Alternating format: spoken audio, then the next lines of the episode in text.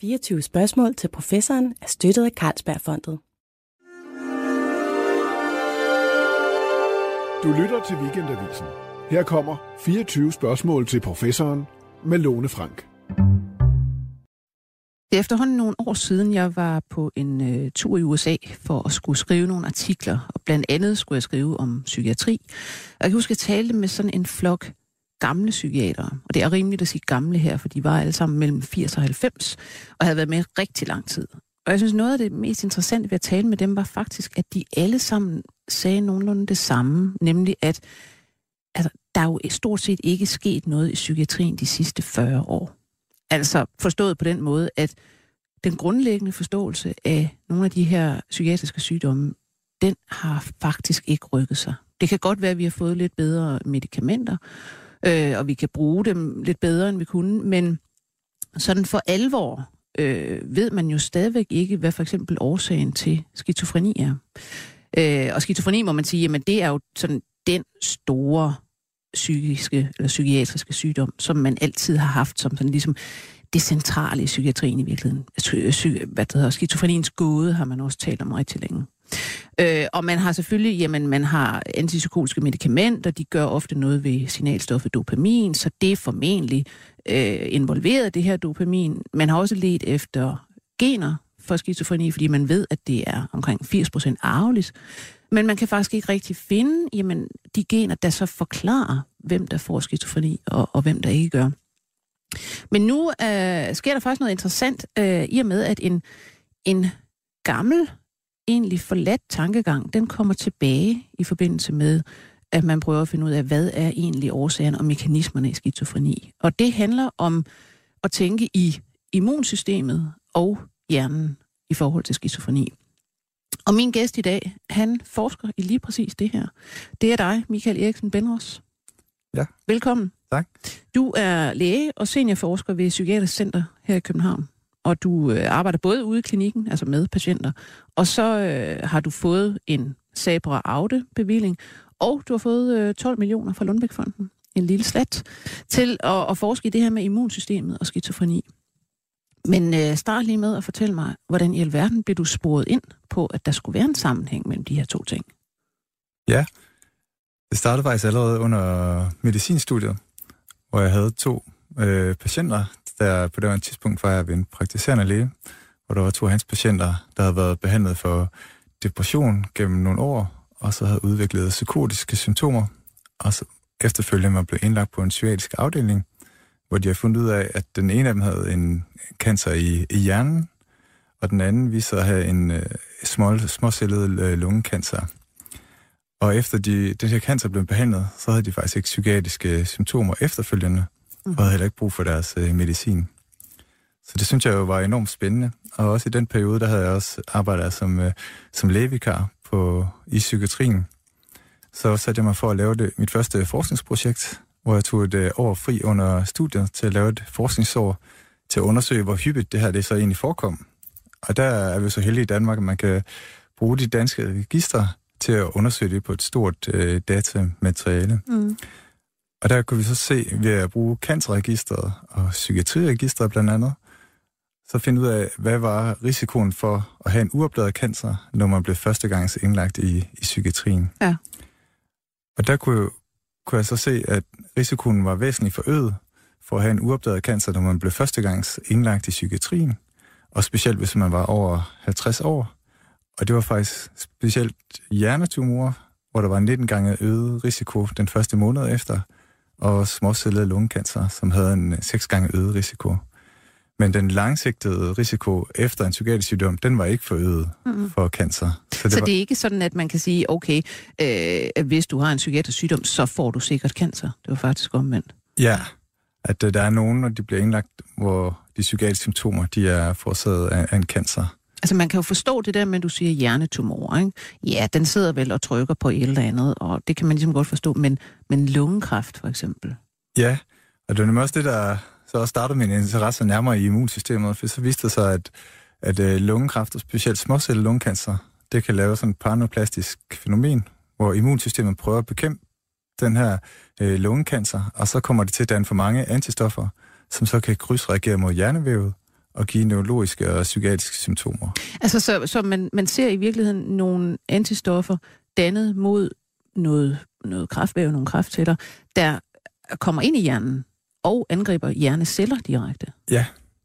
Det er jo i sig selv interessant, fordi man plejede at sige, også da jeg blev uddannet, at hjernen var immunprivilegeret, som det hed. Altså, at der er en blod-hjernebarriere, som gør, at sådan noget, altså en hel masse stoffer kan ikke bare lige gå over fra blodet til hjernen, og, og specielt altså immunsystemet øh, med det store altså immunceller og antistoffer osv., kunne ikke rigtig få adgang.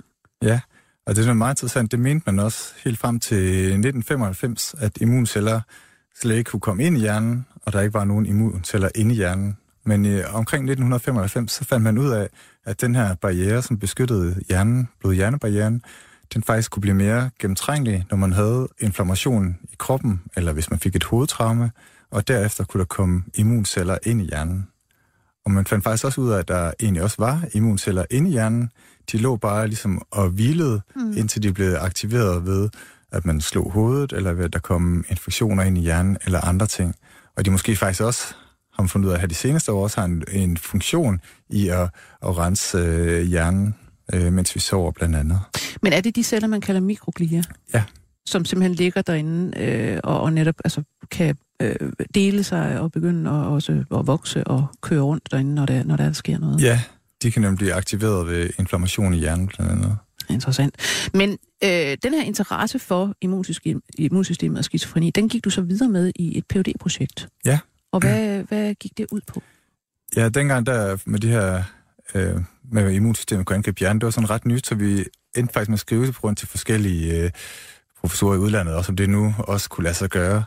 Men så nogenlunde samme tidspunkt, så var der en, der opdagede antistoffer mod hjernevæv, der hedder anti-NMDA-receptorer, som kunne angribe øh, øh, glutamat-receptoren i hjernen og få øh, psykotiske øh, symptomer. Ja, det er faktisk ret sjovt. Det er, er det ikke det, man kalder autoimmun encefalitis? Ja. Øh, som man netop, man, man fik nogle patienter ind, som øh, havde altså, vilde psykotiske symptomer og hallucinationer, og altså, de havde det virkelig, virkelig slemt. Og det var kommet ud af ingenting, sådan lige pludselig, mange ja. gange. Man kunne ikke finde ud af, hvad i var der galt med dem. Og så har man så fundet ud af, at de har faktisk altså, de har dannet antistoffer mod en receptor, som øh, er meget vigtig for hjernens funktion, og som sidder på rigtig mange hjerneceller. Ja. Øh, så, så, hvad skal man sige, hele kommunikationen i hjernen er sådan set forstyrret i et godt stykke tid, indtil man får slået det der ned igen.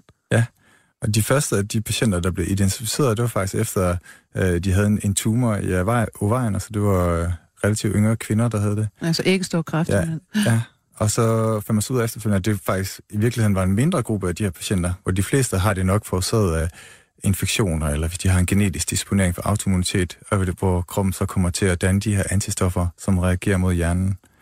Så det førte mig også videre til, hvordan infektioner kunne forårsage øh, autoimmunitet, og hvordan de sammenhæng var bredere med, med infektioner, fordi infektioner er jo et meget mere, det har vi jo alle sammen. Mm. Ja, hele en, tiden stort set. Ja, altså, ja. så derfor er det jo meget mere, en meget større risikofaktor, hvis der er noget med sammenhænge. Mm.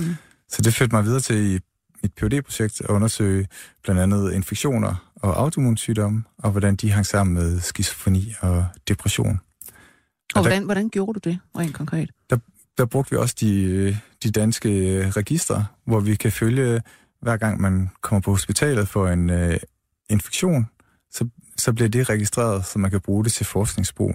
Og det er selvfølgelig anonymiseret, så man kan ikke se den specifikke person, men man kan bruge det til at opklare sammenhæng mellem sygdommen og gøre behandlingen bedre i fremtiden. Og så efter en person har været indlagt for infektion, så kan vi følge dem over tid for deres risiko for efterfølgende at få en psykiatrisk lidelse som skizofreni eller depression.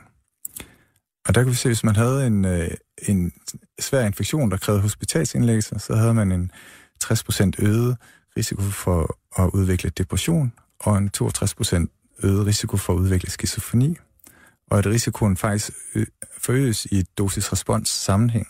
Sådan at, at jo værre infektion du har haft, jo større er risikoen egentlig bagefter. Ja, og også øh, afhængig af, hvor mange infektioner man har haft. Så jo flere gange man har været indlagt på et hospital med infektioner, des højere var risikoen for skizofreni og depression. Er det nogle særlige infektioner? Øh, altså streptokokker, eller er det lige meget, hvad det er for noget? Ja, og det der egentlig overrasker mig lidt ved det her, det var, at det var, var egentlig de fleste typer af de her alvorlige infektioner, der var forbundet med en øget risiko. Mm-hmm. Hvor jeg havde egentlig tænkt, at det primært havde været øh, CNS-infektioner, for eksempel. Altså i centralnervesystemet? I, i centralnervesystemet. Ja. Men noget af de infektioner, der havde den højeste risiko, det var sepsisinfektion, som er, når man har infektion i blodet, og så kan det også komme ind og øge gennemtrængeligheden af blod-hjernebarrieren og komme ind i hjernen. Øh, så det kunne godt passe med den, øh, med den sammenhæng. Og altså det, var, altså det var både depression og skizofreni, man fik en højere risiko for, ja. men ikke nogen andre, altså ikke OCD eller... Ja, mit, I min PhD, der så jeg så primært på skizofreni og depression. Mm. Men nu har vi et nyt projekt i gang, hvor vi ser bredere på alle psykiske sygdomme. Og der kan vi egentlig også se, at sammenhængene de ser ud til at være bredt ud til egentlig at hænge sammen med de fleste psykiatriske sygdomme i virkeligheden. Det vil vi komme tilbage til, men, men før da, synes jeg lige, vi skal tage altså sådan et, øh, et godt historisk tilbageblik, fordi at det er jo ret interessant, at det lyder for mange øh, nyt, det her med, gud, jamen altså, kan der være noget, en sammenhæng mellem, at man, man får en, en infektion med nogle bakterier, og så senere bliver man kugleskør på en eller anden måde, eller får en psykiatrisk sygdom. Altså, øhm, men det er jo faktisk, altså det er jo en genkomst af en idé, kan man sige. Ja. Fordi man kan gå helt tilbage til, til hvad skal man sige, psykiatriens barndom, at der tænkte man faktisk også i de her baner. Ja, og det var meget sjovt. Jeg troede, det var sådan lidt uh, nyt, da jeg startede med det. Og så er det virkelig vist sig, at det var old gammelt, og man siger, en af psykiatriens fader, Krebelin, tilbage i slutningen af 1800-tallet, han foreslog netop allerede dengang, at øh, skizofreni var en, om det ikke var en immunologisk sygdom. Og det er man, man fandt sammenhæng mellem nogle infektioner i specielt kønsorganerne, men man vidste ikke helt, hvad det var. Indtil i starten af 1900-tallet, så identificerede man øh, syfilis, og at det var den, der var sammenhæng med. Men man kunne ikke behandle det på daværende tidspunkt.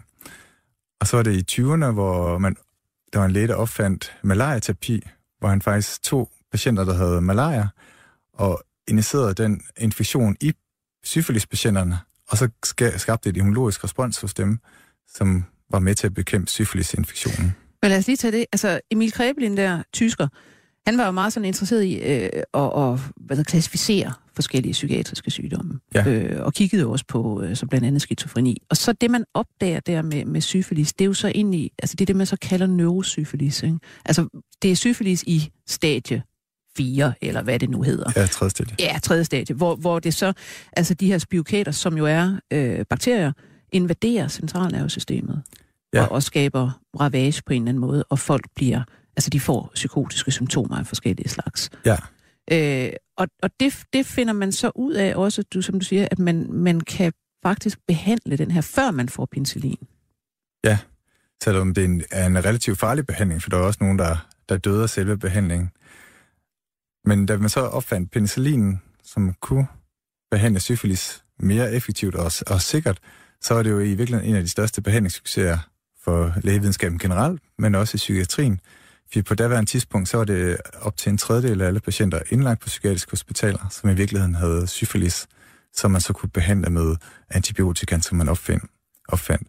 Så i efterkrigstiden, så forsvandt de her patienter gradvist fra de mm. psykiatriske hospitaler.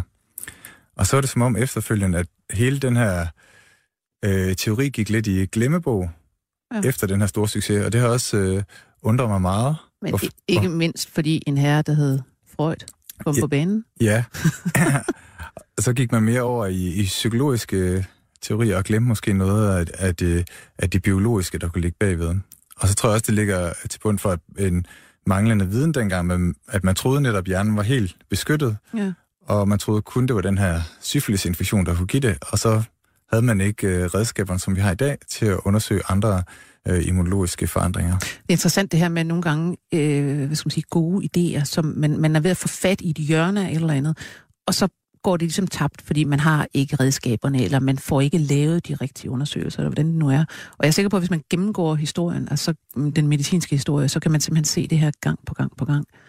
Men, men og det er også sjovt at tænke på det der med, med, altså med psykiatrien i gamle dage, om man så må sige, før medicin og så videre, at man havde jo de her netop store asyler, altså psykiatriske hospitaler, hvor der var virkelig, virkelig mange patienter. Ja. Altså jeg mener på Sankt Hans, øh, her uden for København og Roskilde, der, der var vel, ja hvad var der, 20.000 patienter på et tidspunkt, eller sådan noget? Ja, jeg kender ikke det præcise altså, tal, men det var i hvert fald meget, meget, meget større end... Øh, Altså, det var dag. rigtig, rigtig mange, ja. Og så, øh, så bliver de ligesom, ja, de bliver tømt, de der øh, asyler, efterhånden. Altså først, som du siger, så en, en hel masse ryger faktisk, da syfilis kan kureres. Ja. Øh, og så i næste omgang, så er det jo der i altså 50'erne øh, og 60'erne, hvor de antipsykotiske midler øh, gør deres entré. Ja, Og så er der en masse skizofrene, der også kan komme hjem Ja. i virkeligheden. så der er faktisk nogle kæmpe store behandlingssucceser på daværende tidspunkt. Altså dels jo antibiotikaen, og så Mm.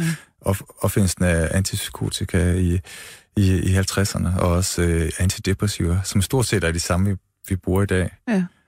Men så er der egentlig ikke sket det helt store, som du også sagde i starten, nej. siden. De er selvfølgelig blevet bedre, og bivirkningerne er blevet, blevet færre, Ja. men den store revolution var, var dengang, så vi skulle gerne Ja. øh, videre nu. Ja.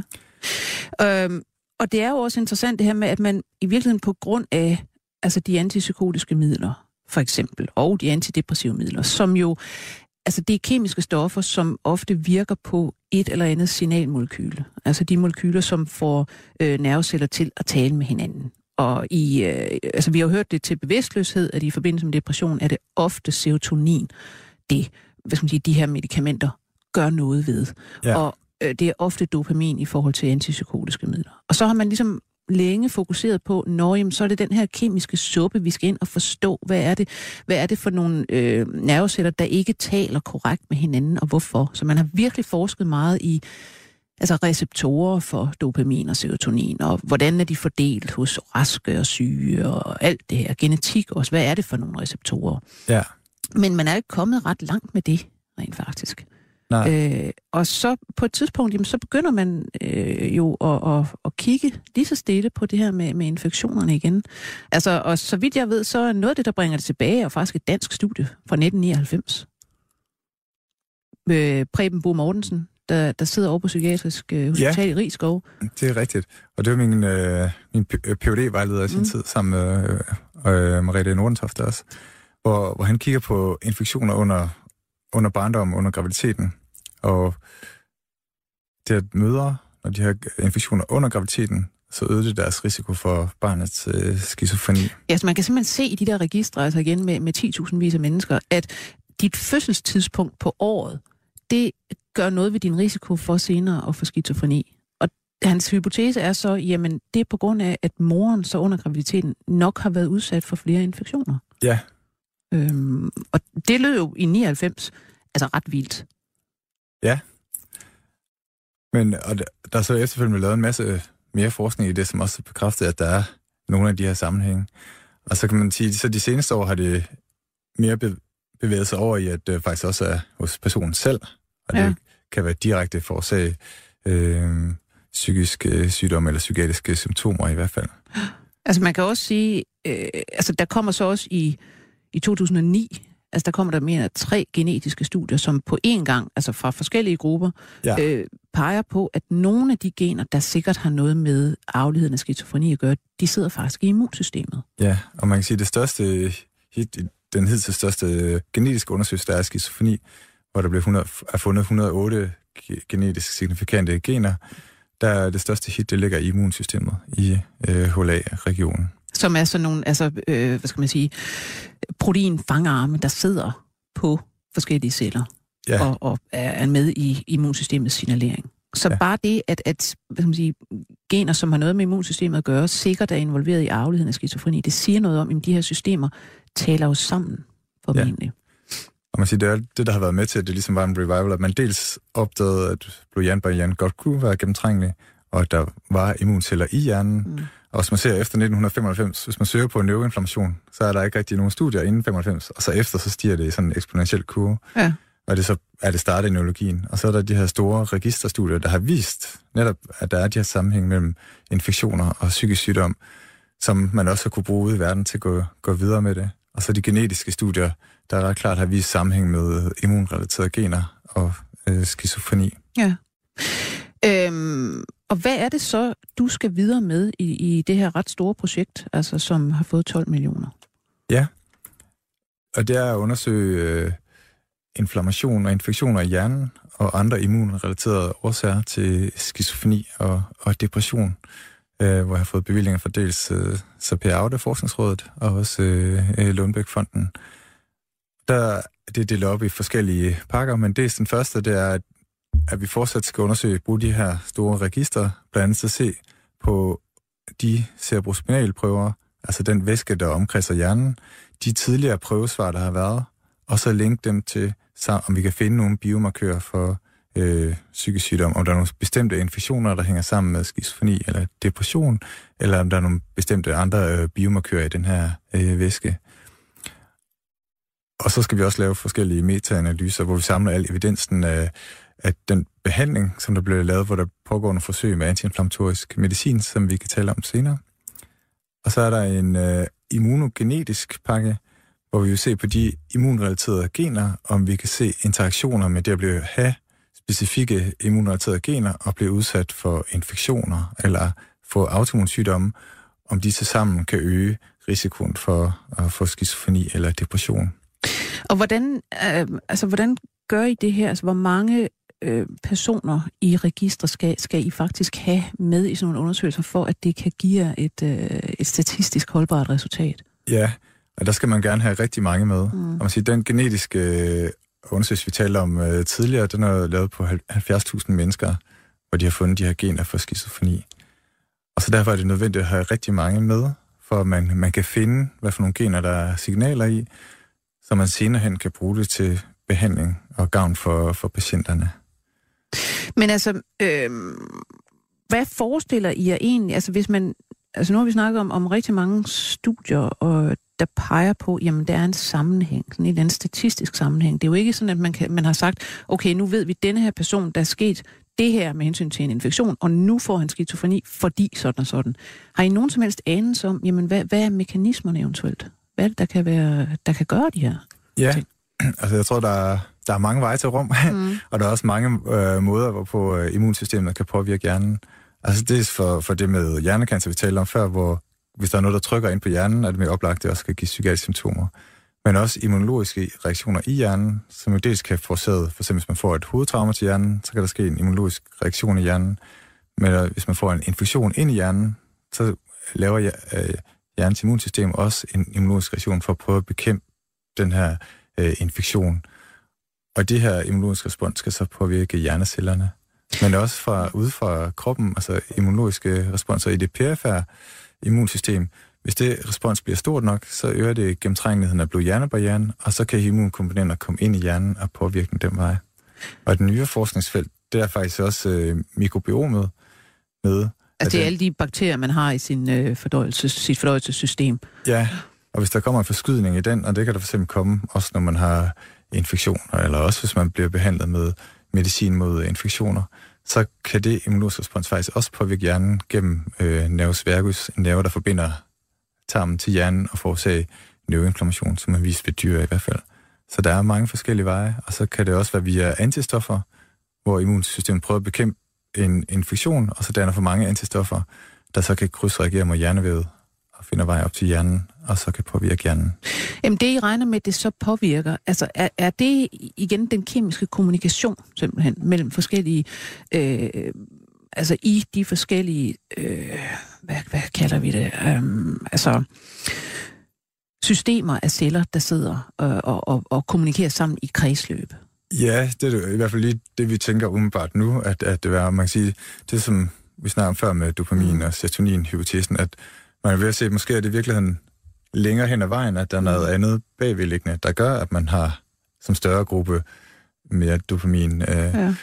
som så skal blokeres med medicin. Og det en af de veje, det kan jo dels være noget genetik, der forårsager det, men det kan også være infektioner, der går ind og, og påvirker det.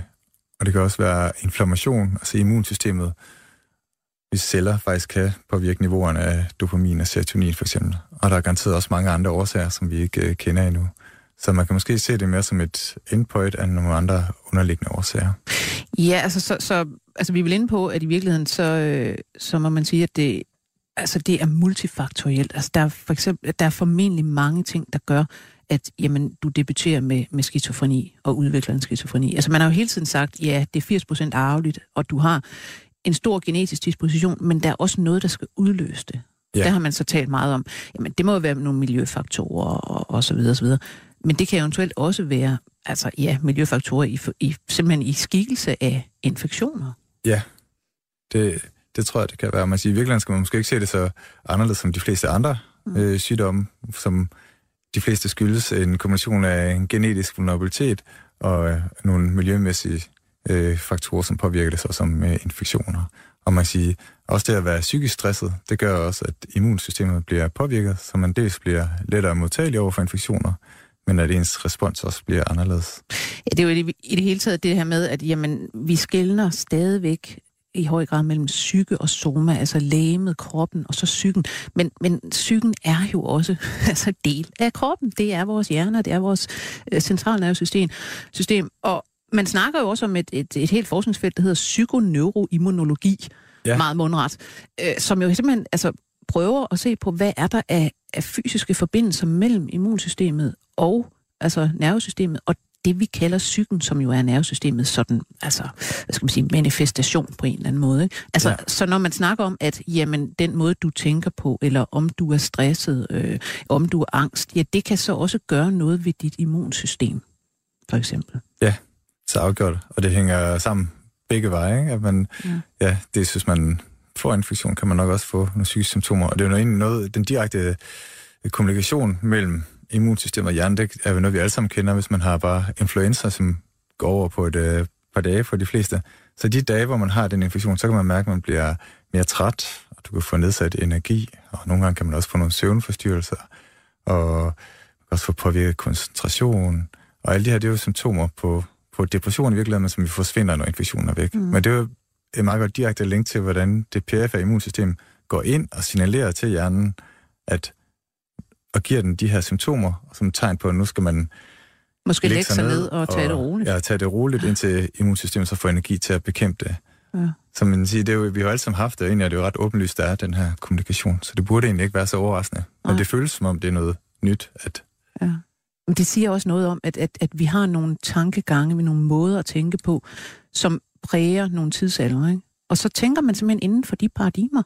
Og så, altså, så skal der virkelig noget til for at skubbe en ud af den vante tankegang. Og så ser det pludselig meget enkelt ud. Ja, selvfølgelig er det sådan her, ikke? men sådan ja. har det altså ikke set ud de sidste, det hedder, 60-70 år, vel? Nej. Øhm. Ej, det er meget pudsigt, og vi kender det også fra et andet godt historisk eksempel, det er det med Helicobacter pylori, øh, den øh, bakterie, som er i maven, som kan give øh, mave, mavesår, ja.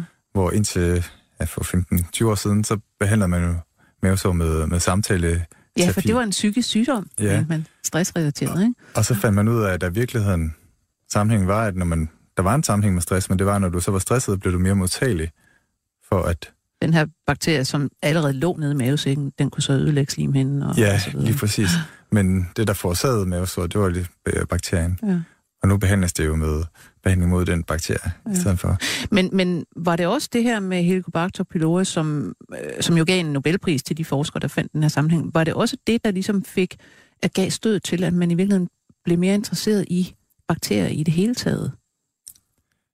Og ja. deres rolle i, i forskellige sygdomme? Jeg tror i hvert fald, det var en øjenåbner for mange om, at tingene ikke helt hang sådan sammen, som man har troet. Men alligevel så gik der et godt stykke tid efter, så det var ikke sådan en umiddelbart... Jeg tror det mere det der med, man med de store her epidemiologiske studier har kunne vise den her sammenhæng, og at de genetiske øh, studier har vist sammenhæng med immunrelaterede gener. Og så det, at man også øh, fandt antistoffer, der direkte kunne gå ind og påvirke øh, hjerneceller, som man fik psykotiske symptomer, og at man kunne reproducere det i dyr. Og der kan man sprøjte de her anti antistoffer ind i, i hjernen på dyr, og så udvikler de psykose-lignende symptomer, og så hvis man gør det tilsvarende i det perifære blodsystem, så, så sker der ikke noget, før man samtidig sprøjter noget, der hedder LPS ind, som sådan noget bakteriesubstans, som øger gennemtrængeligheden af blod-hjernebarrieren, og så får de her dyr præcis de samme symptomer. Mm. Så det med, at der er egentlig evidens for, at der kan være en sammenhæng for mange forskellige ting, har fået, fået feltet til at, til at rykke, tror jeg. Ja. Øhm, med hensyn til depression, siger du før der, ikke? Altså der, kan, der ser også ud til at være øh, en eller anden sammenhæng med, med inflammation øh, i kroppen og eventuelt i hjernen, øh, jamen, så laver man vel også forsøg med at behandle depression med, med antiinflammatoriske midler. Ja, og det gør man nu her. De har, der er faktisk nogle, øh, nogle lovende resultater på det, synes jeg. Og vi har lavet sådan en, en tidligere, det der hedder metaanalyse, hvor man samler evidensen på området, hvor vi kun har taget øh, randomiseret, placebo-kontrolleret studier med. Altså store kvalitetsstudier. Store kvalitetsstudier, og, og samlet dem, og så lavet sådan en gennemskidt øh, score af det, hvad effekten er.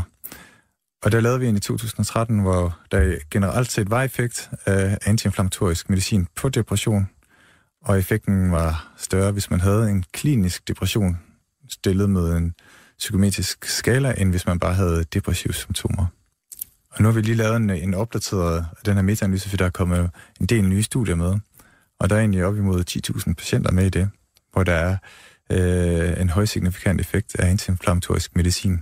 Og hvad er det typisk for noget? Altså snakker vi øh, hvad hedder, aspirin? Ja, ja, der er lavet både med øh, anti men også med de nye cytokininhibitorer, som kan gå ind og, og blokere specifikke øh, cytokiner. Men også noget som statiner, der er også lavet forsøg med, som også har en mindre øh, antiinflammatorisk effekt. Som jo ellers er øh, kolesterolsænkende. Ja. Men den største effekt så vi hos øh, NSAID'er og, og cytokininhibitorer. Men også øh, steroider, altså prednisolon, øh, var der en høj effekt af.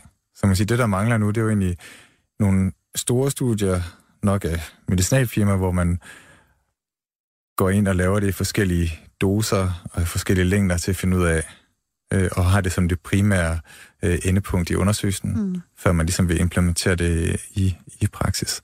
Så der er noget, jeg tænker, der i hvert fald er en stor chance for inden for de næste par år, og måske særligt til patienter med behandlingsreflektær depression, kan være en mulighed. Og der kører netop sådan et stort øh, studie af et øh, medicinal firma på behandlingsreflektær øh, depression. Altså folk, som ikke reagerer på øh, øh, antidepressiv behandling? Ja.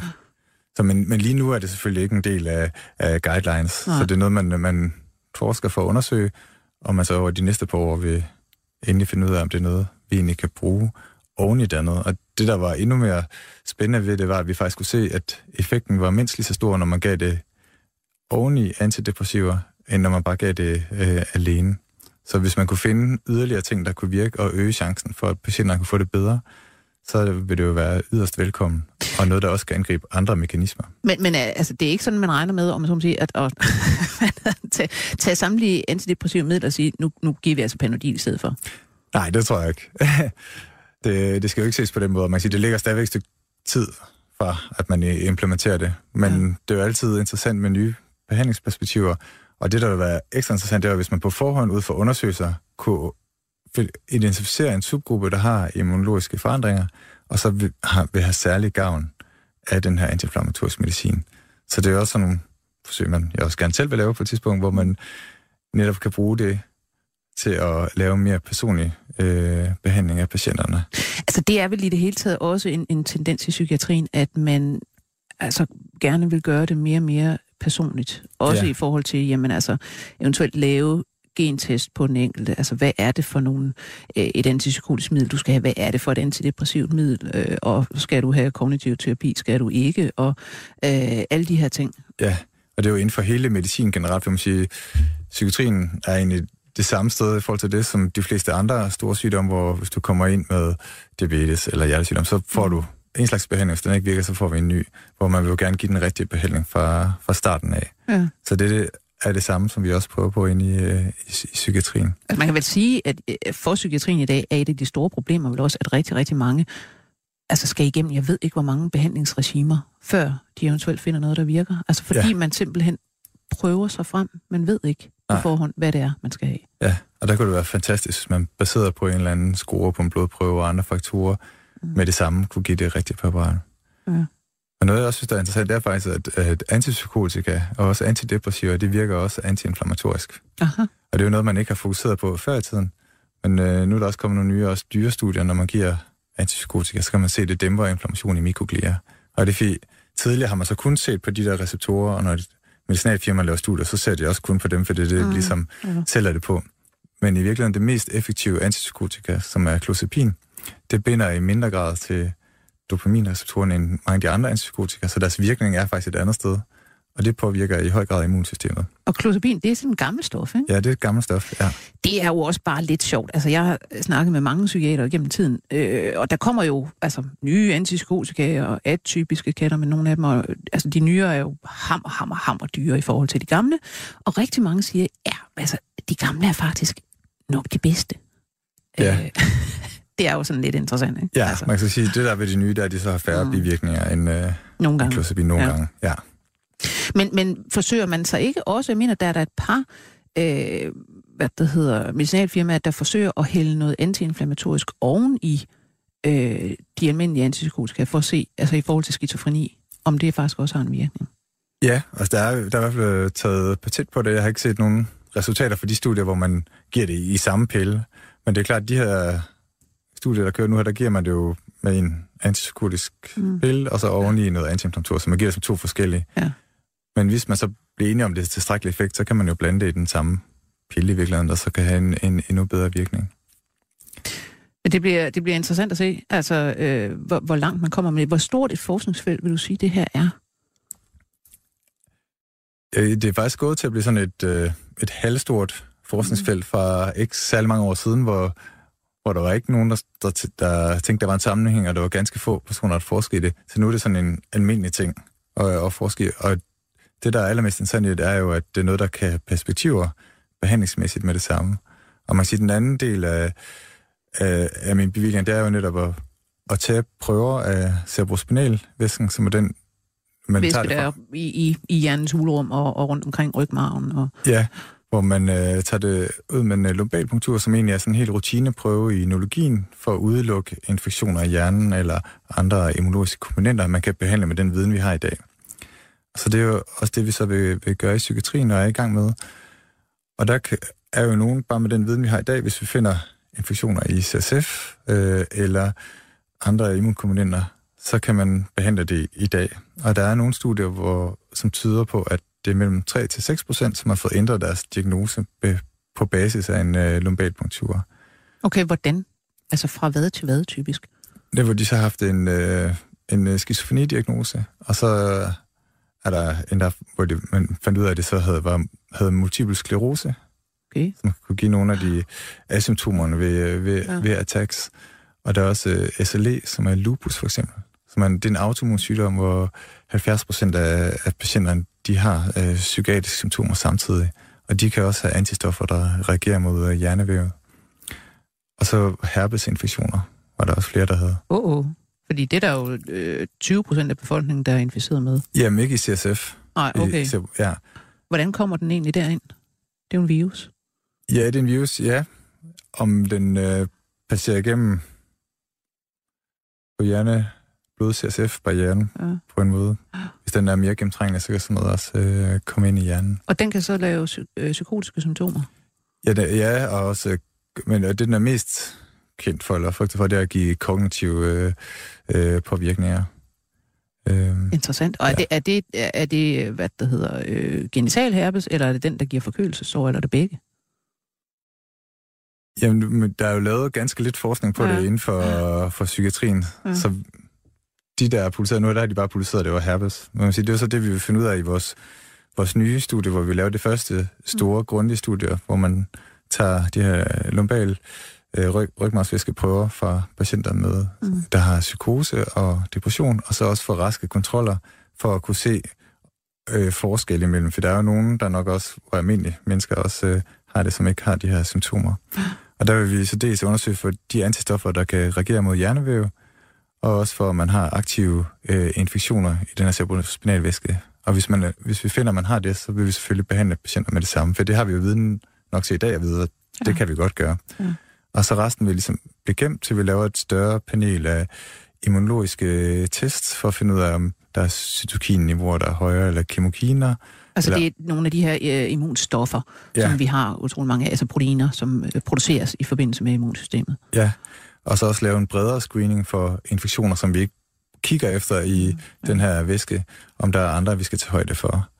og også om vi kan opdage nye antistoffer mod hjernevæv, baseret på de her undersøgelser, ligesom de gjorde dengang med anti-NMDA-antistoffet. Ja.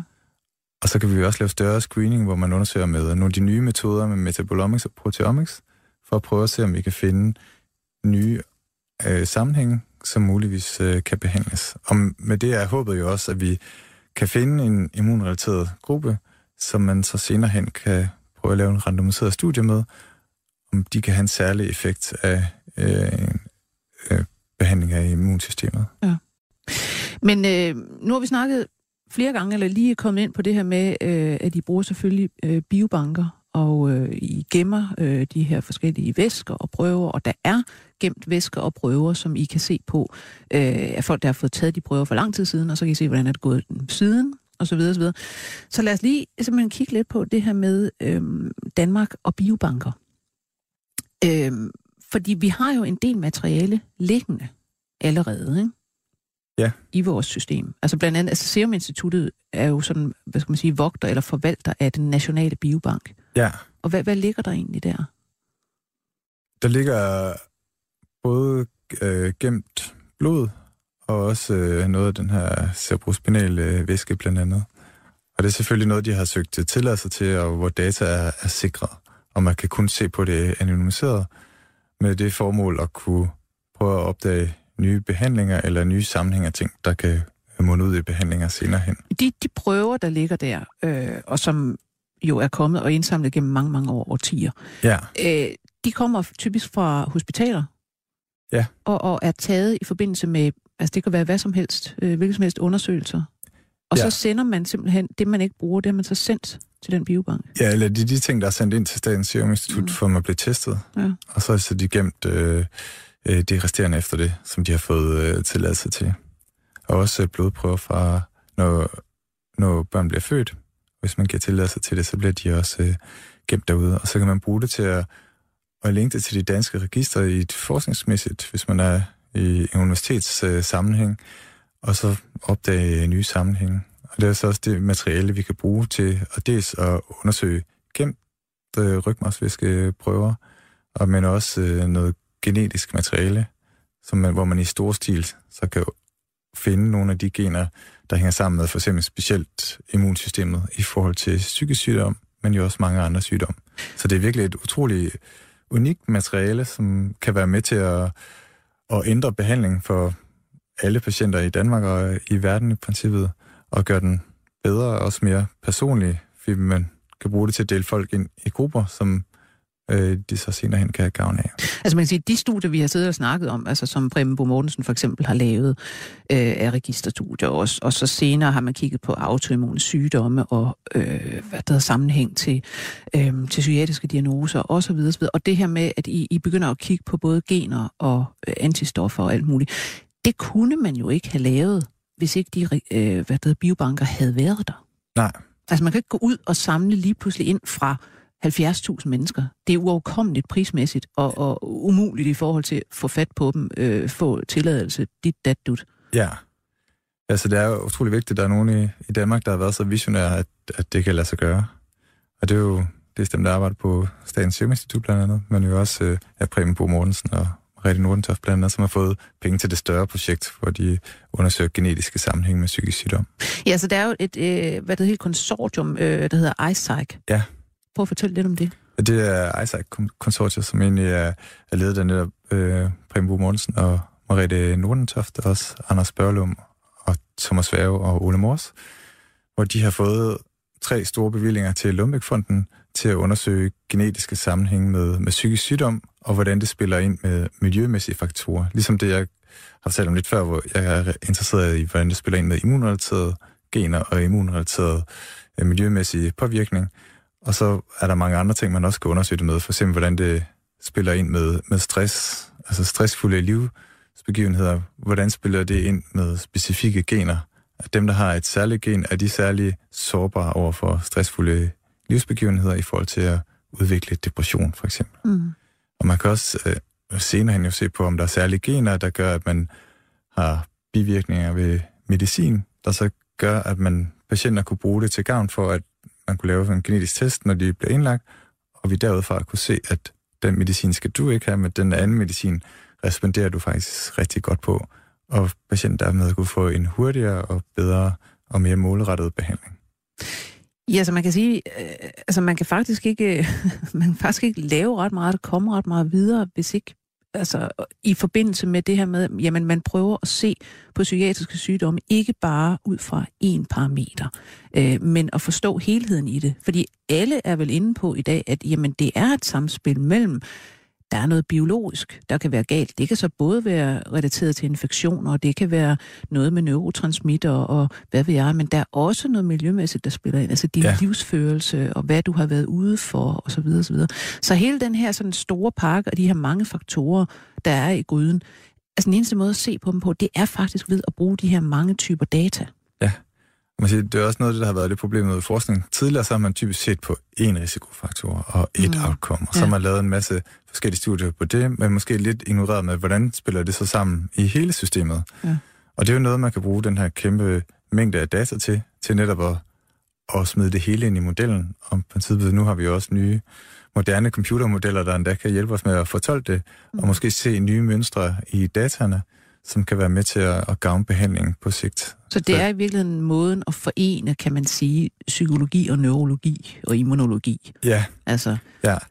Og man kan sige, at psykiatrien er jo specielt et meget multifaktuelt, men også øh, et bredt fagnet speciale, hvor vi jo tager det hele ind i behandling af patienter, men også i, i undersøgelsen inden både ja, mm. det genetiske og noget immunologisk, og det kan også være øh, stressfulde livsbegivenheder eller mm. stress op til indlæggelsen ja. men også sociale faktorer, med hvordan de har, har klaret sig derhjemme, og hvordan det er gået med job. Alle de her ting spiller jo ind på det hele menneske. Ja. Så man, man får faktisk lettere ved at kunne se det hele billede, ved at samle hele den her store mængde af data.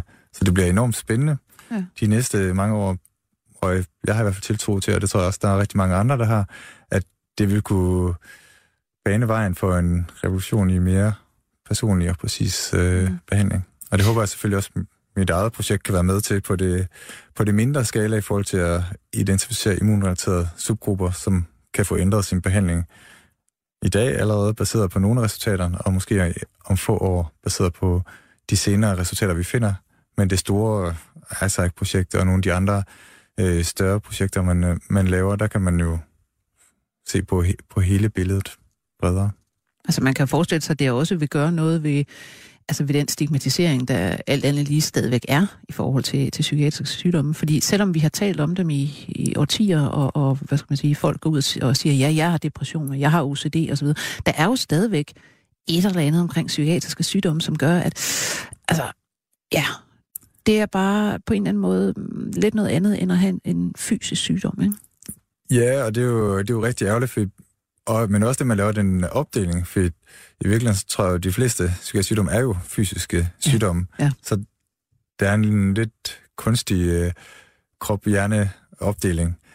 Så jeg håber, at vi kommer til et tidspunkt, hvor man kan sige, øh, neurologien er ligesom udfald i nerve- og bevægelsesforstyrrelser, og psykiatrien er udfald i, hvordan man, ja, øh, hvordan, hvordan man har det. Og det alt sammen er hjernesygdomme, mm. som jeg ikke tror, der er særlig mange, der egentlig er i tvivl om, det er efterhånden. Mm. Og det vil jo også alt sammen være med til at afstigmatisere det. Og, og der kan være så være mange årsager til det, som både kan være øh, psykologiske faktorer, men også miljømæssige og genetiske faktorer. Ja. Det er interessant, man har jo, man har jo tit sagt i, i psykiatrien, altså lidt som joke, at øh, altså alle de psykiatriske sygdomme, det er jo dem, man ikke rigtig forstår, fordi så snart man forstår dem, så bliver det til neurologi. Ja. altså, altså epilepsi var engang en psykiatrisk sygdom. Ja. Så fattede man, hvad det var, det handlede om. Jamen, så var det en neurologisk tilstand, og, og sklerose, noget af det samme, ja. og så videre, så videre. Ikke? Og det kan man sige, der er flere, men man kan sige, demens er jo også en af de store psykiatriske sygdomme, så når man har, mm. ja. og det er jo blandt andet jo også så psykiater, der forsket, der har fundet, ja. der er med til at finde øh, årsagerne til det, og så afgiver det til neurologien, hvor man skal nok, ja, jeg tror også, de to specialer i større grad vil, mm. vil smelte sammen til, ja. til neurovidenskab. Det synes jeg også er interessant, at, der kan man også gå tilbage i tiden og, og rent faktisk se, at øh, jeg har for eksempel skrevet en bog om, om øh, en mand, der hed Robert Heath, som var psykiater i New Orleans i 50'erne, og han var netop chef for både psykiatri og neurologi. Og det var der faktisk en tradition for på et tidspunkt, at ja. selvfølgelig var de to specialer samlet. Ja. Og det var jo også øh, samme speciale i gamle mm, dage, ja. og så er de blevet delt op der i, i, i 50'erne. Og nu tror jeg, de er ved at at nærme sig mm. hinanden igen. Ja. Altså, du er jo også kliniker og, og går rundt blandt patienter. Øh, snakker du nogensinde med nogle af dem om, hvad, hvad det egentlig er, I laver? At I for eksempel er inde på, at jamen, der kan være noget med infektioner her, og der kan være noget med måske immunsystemet involveret i din sygdom? Ja, nogle gange har jeg jo nævnt noget om det, men ja, det er jo man siger, den kliniske hverdag er det jo meget til de mm. guidelines, vi har nu og her. Og så er det mest, hvis man, hvis man kommer ind på, hvad det nu kan skyldes, og hvilke forklaringsmodeller, der kan ligge bagved, mm. så er vi selvfølgelig kommet ind på den, øh, den forskning, jeg også øh, selv, selv laver. Øhm. Men sidder du nogensinde over for patienter, hvor, hvor du og, og, og dine øh, hvad der hedder, kolleger diskuterer, skulle vi ikke prøve at teste vedkommende for sådan og sådan, fordi det kunne egentlig godt være ja. en infektion. Det ja, øh, det gør vi. Man sige. Vi har jo faktisk også det med neurosyfilis på, på Bispebjerg tidligere haft patienter indlagt med neurosyfilis, så det findes stadigvæk i dag, hvor vi, man så netop fundet ja. ud af det ved at, at teste for det. Ja. Men det er jo egentlig det, som det nye projekt, som jeg har fået penge til, har gerne skulle bane vejen til, hvor vi netop gerne vil screene eller med nydebuterende øh, svær psykose, for om de har de her immunologiske forandringer, ja. og så gennemgå dem, om, om vi kan hjælpe dem med noget behandling, der er i dag. Så det er jo egentlig der, jeg gerne vil behende, at man den somatiske opfølgning på patienten bliver meget stærkere, dels med, med blodprøver, men også mm. med CSF-prøver og hjerneskanninger, så man øh, prøver at lede efter de ting, man kan behandle øh, anderledes også øh, i dag, og og så bruge resten til forskningsmæssigt. Så der også kommer det her samspil mellem klinikken og så patienter, men også øh, forskning, som er til, til alles øh, gavn. Ja. Det er jo også interessant i, altså i lige i tiden her, hvor man snakker meget om øh, altså biobanker, øh, den nationale øh, gendatabase, og, og der er en frygtelig masse nervøsitet i forbindelse med, jamen er det overvågning, og hvad er det for nogle data, de har på os, osv. osv. Men mange af de her ting, altså de her undersøgelser, som jo så som vi har diskuteret, ikke kan laves uden biobanker og uden det her materiale. Ja. Det er jo så heller ikke noget, hvor I sidder og har at gøre med folks CPR. Nej, det, når vi får det som forsker, så er det så anonymiseret øh, materiale, så vi går ikke ind og kigger på specifikke personer, og man må heller ikke analysere det i, det skal være grupper over minimum øh, tre personer, så man ikke går ind og kigger på specifikke individer. Mm. Og datatilsynet holder også tæt opsyn med, hvad der bliver kigget på derinde, og laver stikprøver, og det, der bliver sendt ud, det bliver også øh, gennemtjekket, så der ikke er noget personfølsomt materiale. Mm. Så det er et heldigvis strengt reguleret område, og forskere er også generelt uhyggelige, eller utrolig omhyggelige med det her materiale, fordi man ved jo godt, at det er noget, man skal passe rigtig godt på mm. øh, for fremtidens øh, skyld. Altså skal I også igennem, når I, når I øh, skal have godkendt øh, jeres forskningsprojekter, skal I igennem øh, etiske vurderinger? Ja, altså det er også det, det nye er, det er så både godkendt af etisk komité og de forskellige datatilsyn, som man lever op til, til alle retningslinjerne. Er I bange for, sådan kort her til sidst, er det noget forskere snakker om, at tænk nu, hvis den her diskussion løber af du ved, også af hende, og, og folk begynder at sige, nej, vi vil ikke have, at vores data skal bruges til noget som helst? Jamen, det kunne man godt sige, man på en måde er, er bange for, men jo mest for, for os alle sammen skyld, for det skulle jo gerne være med til, at når man senere hen selv får en sygdom, eller, eller andre, man kender for en sygdom, får den bedst mulige behandling. Så det vil være virkelig ærgerligt, hvis det ikke lever op til det potentiale, som vi har. For nu har vi jo netop alle metoderne til at undersøge det, så vi kan få en ny viden og bedre behandling som kan komme os øh, alle til gode. Og derfor skal vi så huske at opbevare det så sikkert som muligt, og respektere øh, de forskellige persondatalov og så videre, og det bliver der selvfølgelig også øh, holdt tæt øje med. Jamen, øh, vi vil også holde øje med det herindefra, og jeg er sikker på, at vi kommer til at diskutere big data og øh, øh biobanker og databaser i langt højere grad, fordi det er simpelthen den vej, medicinsk forskning går. Jeg vil sige mange tak til dig, Michael Eriksen Benros. Tak fordi du kom. Tak for Seniorforsker på Psykiatercenter København. Og jeg skal sige, at udsendelsen i dag var produceret af Peter Lindskov. Jeg, Lone Frank, siger på genhør. 24 spørgsmål til professoren er støttet af Carlsbergfondet.